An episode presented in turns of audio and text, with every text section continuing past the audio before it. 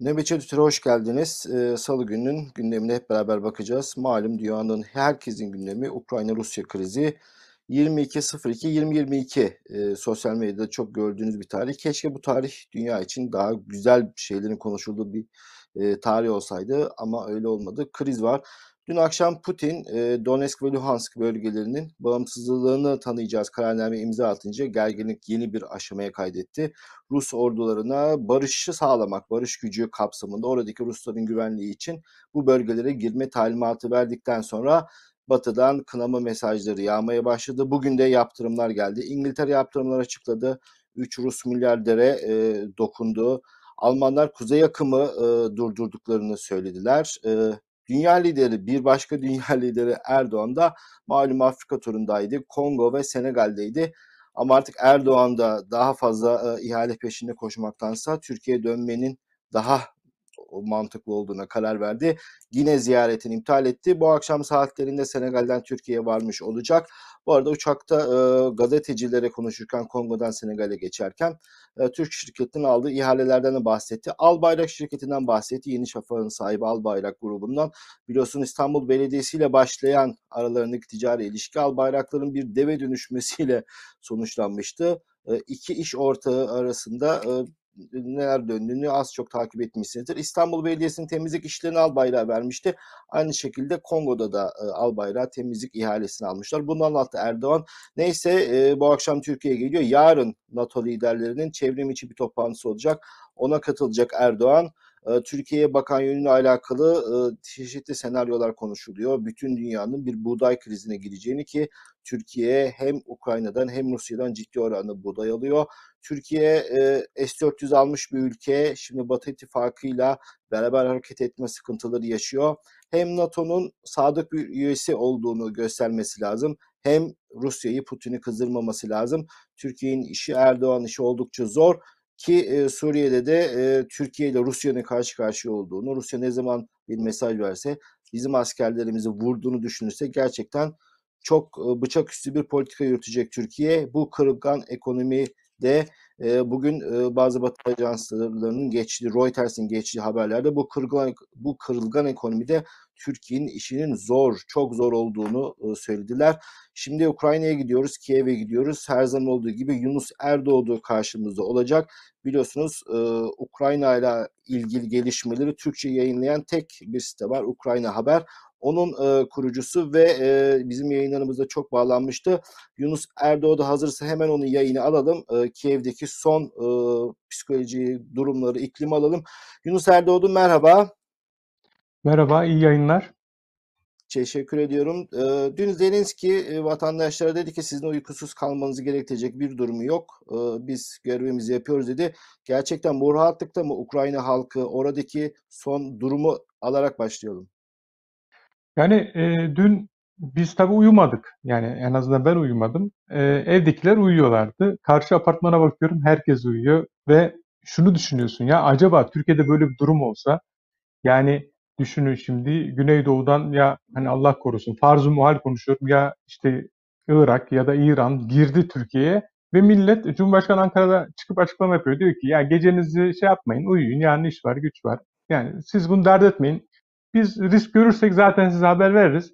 Siz hiç uykunuzdan olmayın. Biz yerimizdeyiz, görevimizdeyiz diyor. Ve bakıyorsun binaya, karşı binaya ışıklar yanmıyor. Yani hakikaten uyuyorlar şaka gibi. Yani uyudular. Bu aslında belki de bir e, tür psikolojik harp. Yani e, bir duruş da olabilir. Yani onları tabii psikologlar daha iyi analiz edebilirler. E, biraz psikolojinin dalına giriyor. Ee, bizim meselemize dönecek olursak gerçekten e, dün konvoy halinde e, Rusya'nın e, Ukrayna sınırına yığmış olduğu askerlerin e, girdiğini gördük kortej halinde Donbas'a. Aslında 2014'te girmişti. Bu hadise yeni değildi. Biz 8 yıldır bu çileyi çekiyorduk ama dünyanın ilk defa gözünün önünde böyle bir canlanmış oldu resim. Kırım işgal edilmişti zaten. E, Donbas, Lugansk'ta Rusya yanlısı ayrılıkçılar var diyorduk ama bu Rusya yanlısı ayrılıkçılar aslında bildiğimiz Rusya'nın adamları, askerleri, kuvvetleriydi. Fakat Rusya her zaman bunu inkar etti. Hiçbir zaman demedi. Yani bunlar bizim askerimiz, biz burada varlığız, varlığımız var diye beyan etmemişti. Dün sadece bu oldu. Yani Putin oturdu Kremlin'de ve bunu imzaladı. Oradaki ayrılıkçı liderlerle beraber bunu imzalamış oldu. Dün olan aslında sadece de facto bir durumun fakt haline gelmişiydi. Resmiyete dönmüşüydü. Şimdi Başka hiçbir şey olmadı yani pratikte. yani Evet. söylediklerinizden şunu anlıyorum. Ee, Batı'da bizim ya da bütün dünya kamuoyunun gösterdiği tepkilerden ziyade Ukrayna'da bu zaten beklenen bir gelişme miydi? Ukrayna'da evet beklenen bir gelişmeydi. Onun için zaten e, hem öncesinde hem sonrasında sokakta ya da normal insanların yaşadığında bir şey değişmedi. Sabahleyin yine insanlar kalktı, işlerine, okullarına gittiler. Okullar çalışıyor, eğitim devam ediyor. Yani Ukrayna'da kamu hizmetleri bütün normal devlet işleyişinde hiçbir aksaklık olmadan aynen devam ediyor. Yani kaldırımlar inşaatı devam ediyorsa o inşaatı yapmaya devam ediyorlar. Ya da herhangi bir inşaat varsa o devam ediyor. Yani herhangi bir e, ne iş dünyasında ne eğitimde e, finans sektöründe tabii dola- e, dolar bugün biraz değer kazandı. Bir grivne kadar e, grivne değer kaybetti. Bunda da yabancıların endişesi ve yabancı yatırımcının parasını çekmesi var aslında arkasında. Onlar tabii etki ediyor. Yani Avrupa'nın e, yaptırımları çok önemli. Bugün Almanya'dan çok güzel bir adım geldi. Kuzey Akım 2 projesini dondurduklarını söyledi. Bu Rusya'nın canını çok sıkıyor. Çünkü Rus ekonomisi e, petrol ve doğal gazdan beslendiği için bunlar e, bu yaptırımlarla artık Ukray e, Ukrayna yani Ukrayna için yapılacak e, Rusya'ya yönelik yaptırımlarla Rusya'yı yorma yoluna gidecekler. Bu şekilde yoracaklar. Evet, e, Rusların da e, bu Kuzey Akım'la ilgili açıklaması geldi. Medvedev o zaman e, 2000 dolara alacaksınız metreküpünü diyerek e, fiyatların yükseleceğini ve Avrupa vatandaşlarının bundan zarar göreceğini gösterdi. Bir nevi o da e, tehdit etti. Şimdi e, beklenen bizim düşündüğümüz kadar büyük bir e, korkunun e, olmadığını anlıyoruz. Buraların zaten bir e, Rus yoğunluklu bölge olması, zaten fiili durumun bu olmasından kaynaklanan yani Ukrayna o bölgeleri gözden çıkarmış durumda mı? Çünkü ilan özellikle ilan edilen bölgelerin e, tamamına da hakim değil Rusya. Yani haritaya baktığımızda o özellikle ilan edilen ve Rusya'nın tanıdığı bölgelerde neredeyse durum yarı yarıya gibi görünüyor. Evet, demografi değişti. Orada daha önceden e, yüzde 50 oranında Ukraynalı vardı. Yüzde 38 oranında Ruslar vardı. Tabii bunun içinde diğer kalan kısmında Ahıska Türkleri, Gürcüler, Azeriler yani Kırım Tatarları farklı etnik unsurlar vardı yani bunlar içerisinde. Ama çoğunluk Ukrayna demografisinden e, Rusya'ya geçti. Yani Ukraynalıların bir kısmı zaten bu süreçte Ukrayna'ya sığınmıştı. Yani e, Ukrayna, Kiev'e, diğer batı bölgelere. Bir kısmı Avrupa'ya gitmişti. E, orada nüfus olarak Ruslar kaldı. Ancak bugün Ukrayna parlamentosu bir karar aldı ve dedi ki ne Kırım, ne Donbas, e, ne Donetsk, ne Lugansk, ne de Sivastopol buralar Ukrayna'nın toprağıdır ve hiçbir şekilde biz bunları vermeyeceğiz. Ama bu vermeyeceğiz kısmı silahlı ve e, çatışmayla değil diplomasi ve siyaset yoluyla vermeyeceğiz konusunda mutabık alındı. Yani bunlar e, uzun vadeli bir yol. Yani Rusya'yı yoracaklar ekonomik yaptırımlarla. Swift'ten çıkacak belki Rusya. Rus iş adamları dünyanın birçok yerinde e, karşılanmayacak, iş yapamayacak hale gelecekler. E, Sadece öyle onun yanında yani belki bir Rus öğrenci bile insan içine çıkamaz hale gelecek kadar böyle baskı görecek yani. Bu uzun süreli bir şey olacak. Yani bunun e, neler Tabii getirip neler e, götürüp şimdi devletlerin yaptıklarından dolayı hani her vatandaşın e, utanmaması gerekir de e, anladığım kadarıyla sizin aktardığınız Ukrayna'nın e, politikası biz askeri olarak Rusya ile karşı karşıya gelmeyelim. Çok büyük bir güç dengesi var. Ülke harap olmasın, e, diğer e, bu bölgeler dışındaki yerler zarar görmesin. Diplomasi yoluyla e, Rusların bir gün oradan askeri olarak çıkacakları bir konjonktürü oluşturmaya doğru adım atılsın.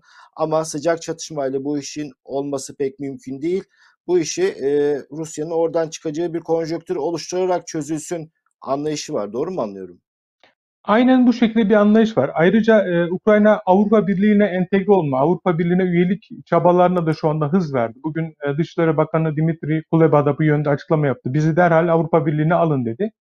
E, tabii bu e, bu kadar e, ihtilaf varken Avrupa Birliği'nin bu kadar e, hem coğrafi hem toprak e, bütünlüğü bozulmuş bir yapıdaki Ukrayna'yı hemen Avrupa Birliği'ne nasıl alır? Bunu nasıl yaparlar? Ben bunu bilemiyorum teknik olarak. Ancak Ukrayna bütün gücüyle Avrupa Birliği'ne girmeye yönelik e, çabaları sürdürecek, Avrupa'ya yakınlaşacak, bir şekilde bir e, formül arayışına girecek. Dediğim gibi parlamentocu kararlar aldılar. Yani Birleşmiş Milletler Güvenlik Konseyi'nin acilen toplanmasını istediler. Geniş bir şekilde, dar çerçevede değil daha geniş çerçevede. Diplomasi yollarını kullanacaklar. Uluslararası ülkelerden yani bütün dünya ülkelerinden, parlamentolarından Rusya'nın bu davranışın kınanmasını istediler. Hiçbir şekilde ne şirketler olsun, ne kurum, ne kuruluş yani bütün bu sivil toplum kuruluşları dahil hiçbir şekilde Donetsk ve e, Lugansk bölgesini tanımamalarını, buralarda iş yapmamalarını, oralara hiçbir şekilde e, yani onların varlığını tanımamalarını da istediler. Yani bir sürü yaptırım. Çünkü onları tanırlarsa ya da bunlarla iş yaparlarsa muhtemelen Ukrayna ile iş yapmaları zora girmiş olacak. Uzun bir süreç var. Putin'in konuşmasını esefle izledim. Yani e, Ukrayna'yı Lenin kurdu dedi. Yani bu çok tehlikeli bir söylem. Çünkü yarın aynı şey Kazakistan'ı Lenin kurdu, Azerbaycan'ı Lenin kurdu. Bu ucu açık Türkmenistan'ı Lenin kurduya dönebilir. Yani bir tür yeniden istilacı bir yolu açabilir. Yani bu şekilde e, düşünerekten Ukrayna'yı işgal etmeye kalkmak, bağımsızlığını, toprak bütünlüğünü, egemenliğini hiçe saymak. Yani bunlar bence e, bir Kazakistan Türk'ünü de düşündürmeli, bir e, Azerbaycanlı kardeşimiz de düşündürmeli. Yani bunlar bunları düşünmeleri lazım yani. Çünkü bu doğru bir yaklaşım Evet. değil Putin'in yaklaşımı. Daha sonra bir açıklama yaptılar. Ukrayna'nın bir istisna olduğunu, diğer eski e, SSCB ülkelerini kastetmediğini gibi bir e, şerh düştüler. Herhalde Ukraynalıları birazcık e, tahrik edecek, onların birazcık e, sinir uçlarıyla oynayacak e, şeyler söyledi anladığım kadarıyla Putin. Şimdi Ukrayna perspektifi böyle. Biraz da Rus perspektifinden baktığımız zaman Ruslar diyorlar ki e, 2013 yılında başlayan kriz 2014 yılında bir Minsk anlaşması yaptık. O bölge temsilcileri geldi, Ukrayna geldi, Agit geldi ve bu anlaşmaya göre o bölgelere özel statü verilmesi, işte af çıkartılması, seçimler, bazı maddeler, kararlar alındı ama Ukrayna e, bu maddeleri uygulamadığı için şimdi ben e, müdahale oluyorum. Çünkü oradakileri Rusya kendi vatandaşı olarak kabul ediyor. Oradakilerin hamisi olarak e, garantili olduğunu düşünüyor. E, bu açıdan bakıldığında Ukrayna gerçekten Minsk anlaşmalarıyla ilgili kendisine düşen sorumlulukları yapmadı mı? E, Rus tezine göre böyle iddialar var. Bu tezlere karşı Ukraynalıların cevabı nedir? Ukrayna anlaşma masasından kalkmadı. Ne zaman masaya otursa öbür tarafta e, cephe hattında çatışmalar şiddetlendi. Aslında Rusya hiçbir şekilde o bir tür zaman kazanmaydı yani. Rusya'nın manevralarıydı. Ukrayna bunu çok iyi gördü yani. Orada istenen talepler, Rusya'nın ayak sürmesi yani burada iki taraf da birbirini suçluyor. O bir gerçek yani. Rusya Ukrayna'yı suçluyor, Ukrayna da Rusya'yı suçluyor. Akacak kandan Rusya Ukrayna'yı mesul tutuyor, Ukrayna da Rusya'yı mesul tutuyor. Bu e, bu işin doğasında var. İki tarafın da birbirini suçlaması doğal ama burada mesafe alınamadı yani. Ukrayna elinden gelen her şeyi yaptı. Fakat mesafe alamıyorsunuz. Karşı taraftaki insanlar silahlı ve silahlı bir çatışma var. Yani orada normal demokratik bir devlet ya da ne bileyim demokratik bir şey yok ki. Toprağınızı işgal etmişler ve sizle masaya oturuyorlar 50 silahlı insanlar ve bu insanlar size bir şeyler dikte ediyorlar. Yani olabildiği kadar gidiyor. Dolayısıyla hani iki tarafta birbirini suçladığı için artık zaten bir hüküm de kalmadı artık onun. Yani ne Minsk'in ne Normandiya'nın yani çok bir hükümleri kalmadı. Artık Rusya zaten istediğini yaptığı için burada ya da istediğini aldığı için artık o belki zaman kazanmaydı, yıpratmaydı, yormaydı. Bütün bunları değerlendirdi yani. Sonuçta işin günün sonunda Rusya geldi oraya yerleşti yani. Evet, e, benzer durumu Kırım'da da yaşamıştık. Ruslar e, Kırım işgal ettikten sonra yine Batı'dan benzer tepkiler gelmişti. Yine ambargo yaptırım açıklamaları olmuştu ama daha sonra e, fiili bir durum oluştu. Batı-Rusya ilişkileri de e, eskisine göre normalleşmişti. Yine e, Rusların hesabı önce bir kriz çıkacak, daha sonra kriz e, yavaş yavaş yumuşayacak ve fiili durum kalıcı olacak. Böyle bir planı mı var sizce Rusya'nın? Aynen, aynen bunu yani Rusya'nın e, ilk bu mesele başladığında e, buradaki politik uzmanlara sorduğumuzda bu ne zaman biter dediğimizde tabii benim aklımda kısa bir süre vardı. Yani 1-2 yıl içinde biter. Yani 2014'ü bahsediyorum ben. 15 yıl sürer dediğinde ben e, şaşırmıştım. Nasıl yani 2014'te bu süreç 15 yani bu Donbas ihtilafının çözümünü ben 15 yıl içinde bekliyorum demiştim. Ben bunu haberleştirmiştim de aynı zamanda. Tabii şaşırmıştım yani 15 yıl kadar bir süre yani istiyoruz ki tabii 3 ayda 5 ayda mesele çözülsün. Her şey e, süt liman olsun, huzur gelsin, barış gelsin. Fakat devletler e, meselesinde bazen zaman çok uzayabiliyor. Yani bizim 3 ayda 5 ayda çözümünü istediğimiz bir mesele için 15 yıllık bir takvim olabiliyor. Yani o uzmanın dediğine göre 15 yıllık takvimin 8. yılındayız ve demek ki 7 yıl daha bir çözüm için süreç var.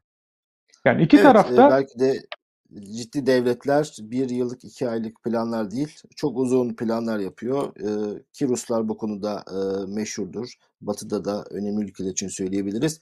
Şimdi bu işin Türkiye, Ukrayna, Rusya ilişkileri ayağına e, da hızlıca değinelim diyorum. Dün Türk Dışişleri Bakanlığı sert bir açıklama yaptı. Rusya'nın kararının kabul edilemez olduğunu açıkladı ve Doğu Ukrayna'da o bölgelerdeki Türkiye Cumhuriyeti vatandaşlığını terk etmesini istedi. Öncelikle onu sorayım. Orada e, Türkiye Cumhuriyeti vatandaşları var mı? Şirketler var mı? Orada bildiğiniz kadarıyla ne kadar bir Türk yoğunluğu var?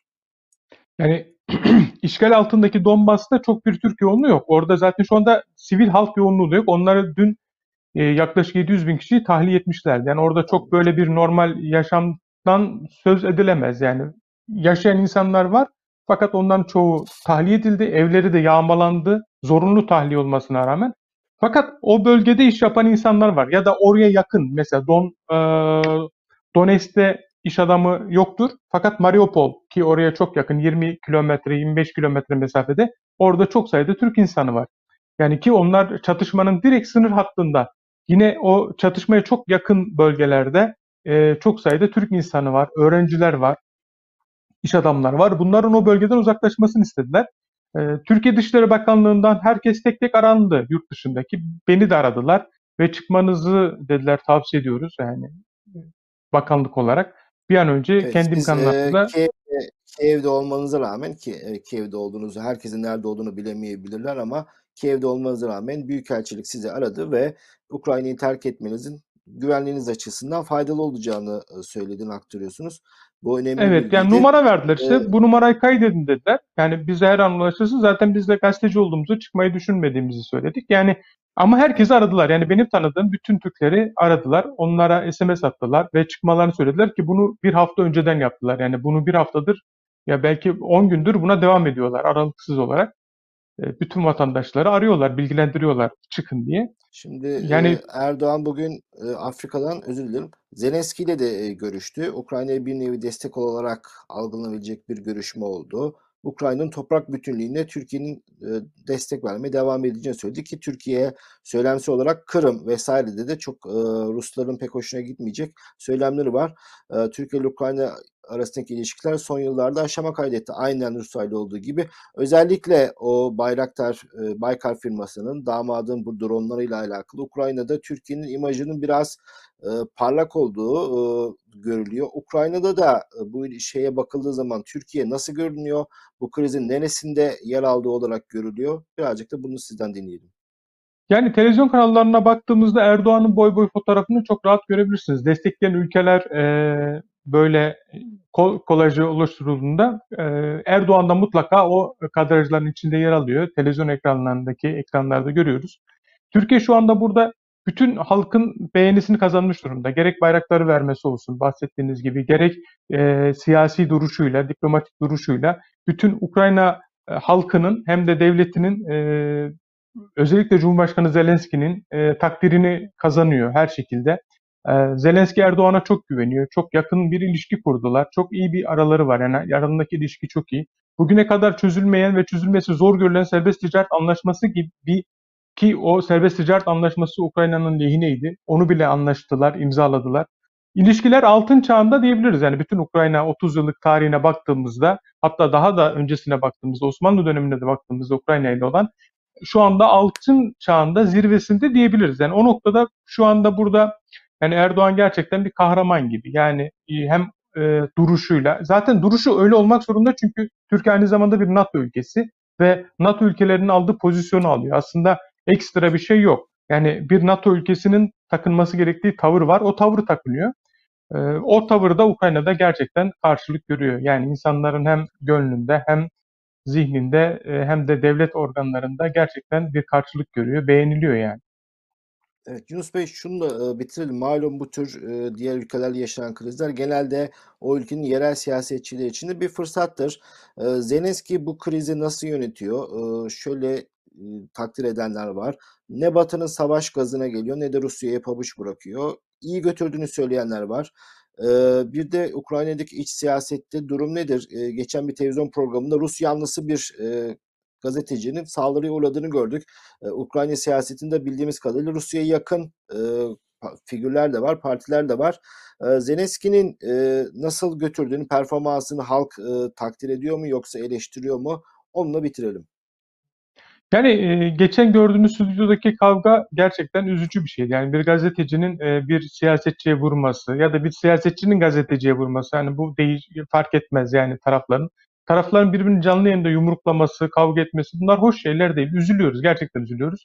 Sonuçta oradaki tartışma e, sokağa da yansıyabiliyor. Şu anda sokağa yansımıyor ama öyle birisi de var. Muhalefet için gün doğdu aslında bir taraftan. Çünkü bunun bütün sorumlusunun e, Rus yanlısı muhalif partiler e, ki güçlü burada. Yani şu anda %20 ordu oyu vardır yani muhalefetin. Zelenski'nin partisi kadar oyları var. Arada bir iki puan fark var. Onlar da bütün bu olanların sorumluluğunu Zelenski'ye yüklüyorlar.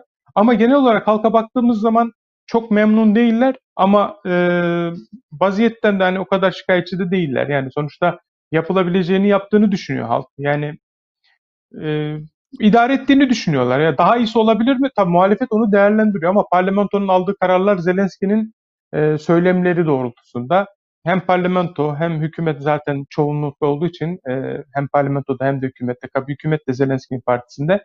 Dolayısıyla şu anda o e, çok bir e, tepki almıyor ama muhalefet bütün e, Rusya yanlısı muhalefet diyelim bütün suçu ve bu e, neticenin hepsinin Zelenski'nin olduğunu işlemeye devam ediyor. Bunu işlemeye devam edecektir. Fakat burada şöyle bir durum var. Yani bugün Ukrayna'da müthiş bir Rusya'ya karşı e, tepki var. Yani çıkıp da bir Rusya yanlısı siyaset yapamazsınız ya da Rusya'ya yönelik en ufak bir olumlu ima dahi yapamazsınız. Bunu ne toplum içinde ne de böyle e, yayınlarda yapamazsınız. Rusya'ya yakın yayın yapan gazeteleri, televizyonları kapatıyorlar. Yani o noktada e, karartma da uyguluyorlar. Yani bu noktada e, şu anda hani karşı görüş çok sesini de çıkartamıyor. Yani o noktada onları çok duyamadığımız için e, sokakta da zaten insanlar bunu çok net ifade edemiyorlar. Çünkü Rusya yalnız en ufak bir şey vatan hainliği gibi algılanıyor. Çünkü ülke 8 yıldır savaşıyor. O durumda da böyle yani. Bu krizin daha önce Rus yanlısı e, liderin devrilmesiyle oluşan yine benzer bir darbe ya da e, zorla bir iktidar değişikliğine sebep olacağına dair hiç e, senaryolar, tahminler var mı orada?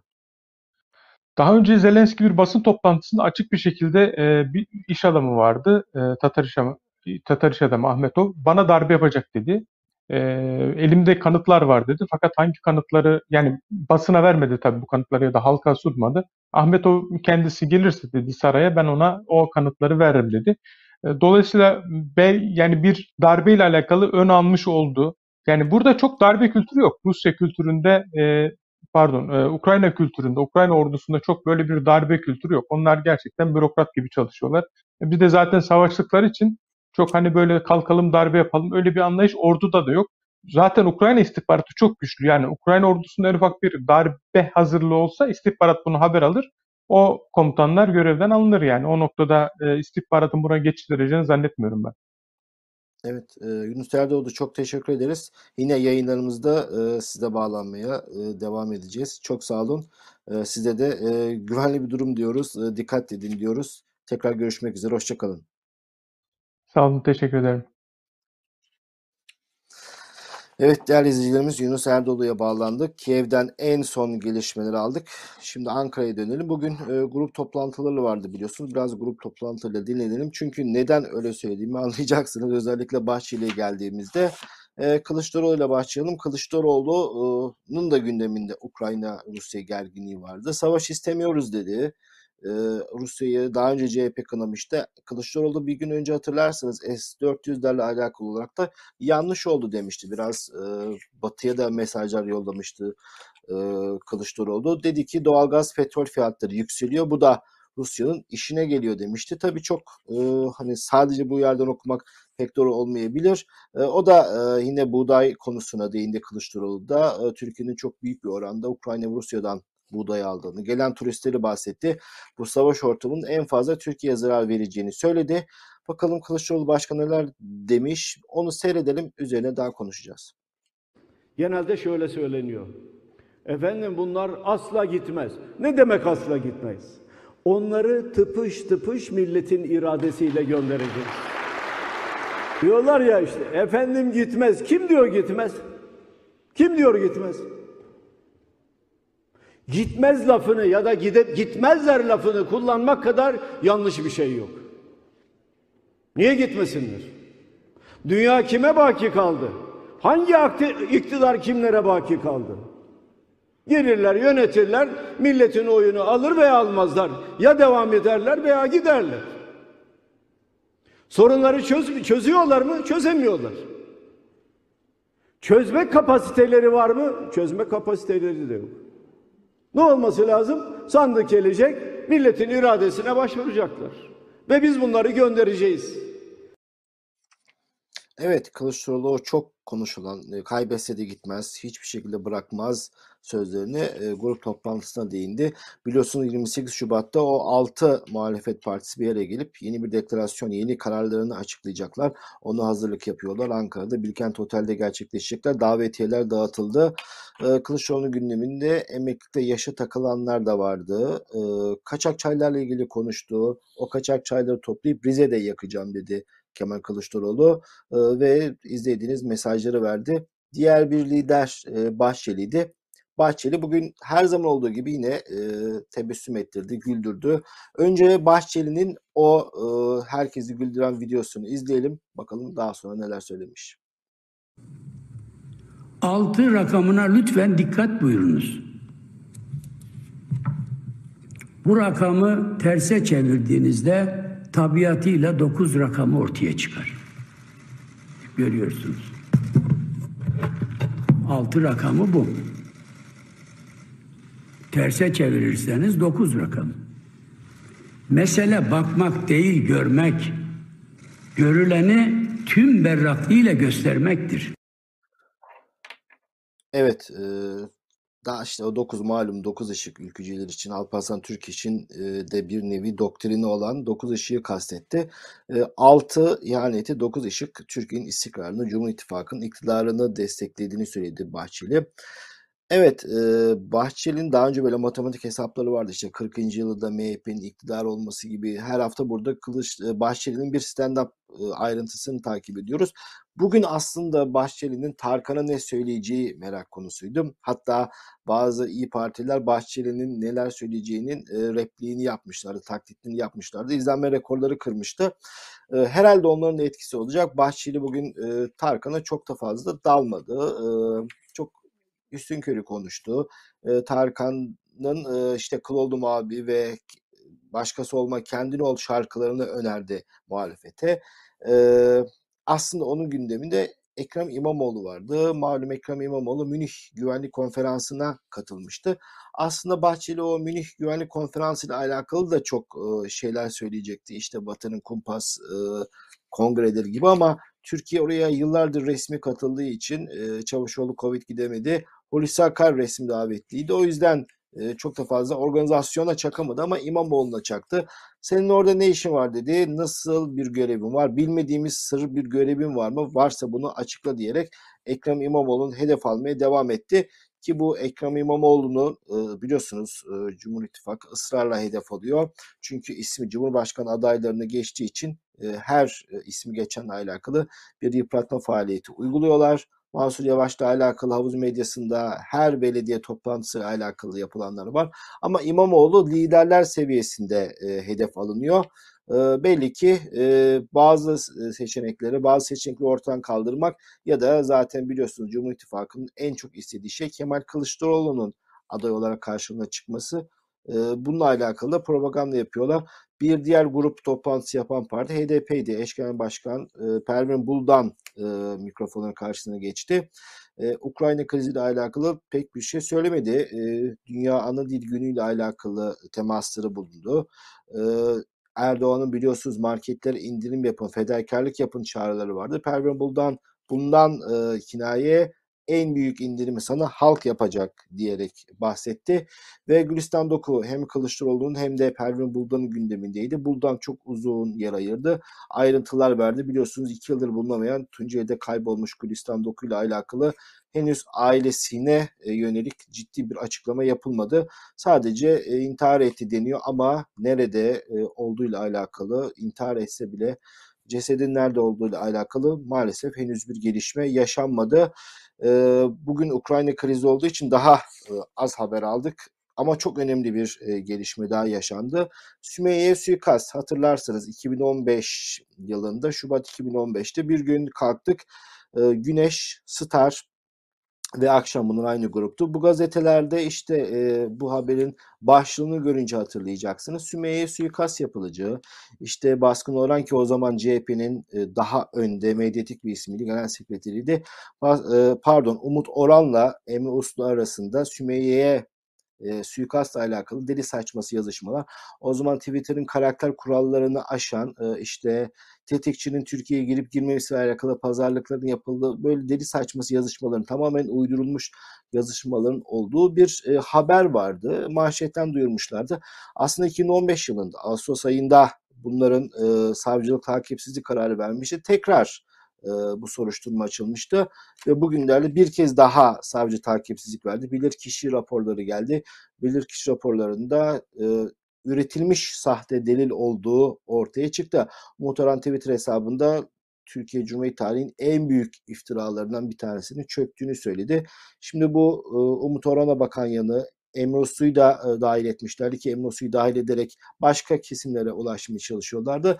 Aslında bütün havuzun haberlerinin özeti bu. E, uydurulmuş haberler, yalan haberler, bir propaganda yapmak, ortam oluşturmak. O yüzden e, sadece bu yayın organlarının değil, havuzda çıkan bütün haberlerle alakalı bu gözle bakmak lazım. Şimdi burada alakalı e, işte Pensilvanya'dan talimat denmişti. Bu haber çöktü ama bu haber çökmüş olabilir ama aynı şekilde üretilmiş başka haberlerin Türkiye'de kendilerine muhalif zanneden, iktidara muhalif olduklarını e, ve insanların da ciddiye aldığı kurumlarda da aynen uygulamaya devam edildiğini görüyoruz. Yani onlar için de değişen bir şey yok. Havuz e, zaten bir paçavra. Onunla alakalı tekrar tekrar ne kadar omurgasız olduklarını söylemeye gerek yok. Ama kendilerine muhalefet olduğunu savunan e, ki aydın, entel, solcu, kemalist olduğunu söyleyen esas bu kuruluşlara değinmek lazım. Çünkü Umut Orhan Sözcü gazetesine konuşmuş ki Sözcü gazetesi bu tür haberler üzerinden o nefret saçmaya, kirli ittifakı destek vermeye devam eden bir gazete. Tabii sosyal medyada çok yapılan yorumlardan bir tanesi işte kızını bu işlere alet eden, kızını bu işleri meze yapan sana bana neler yapmaz yorumu var ki çok doğru yorumlardan bir tanesiydi.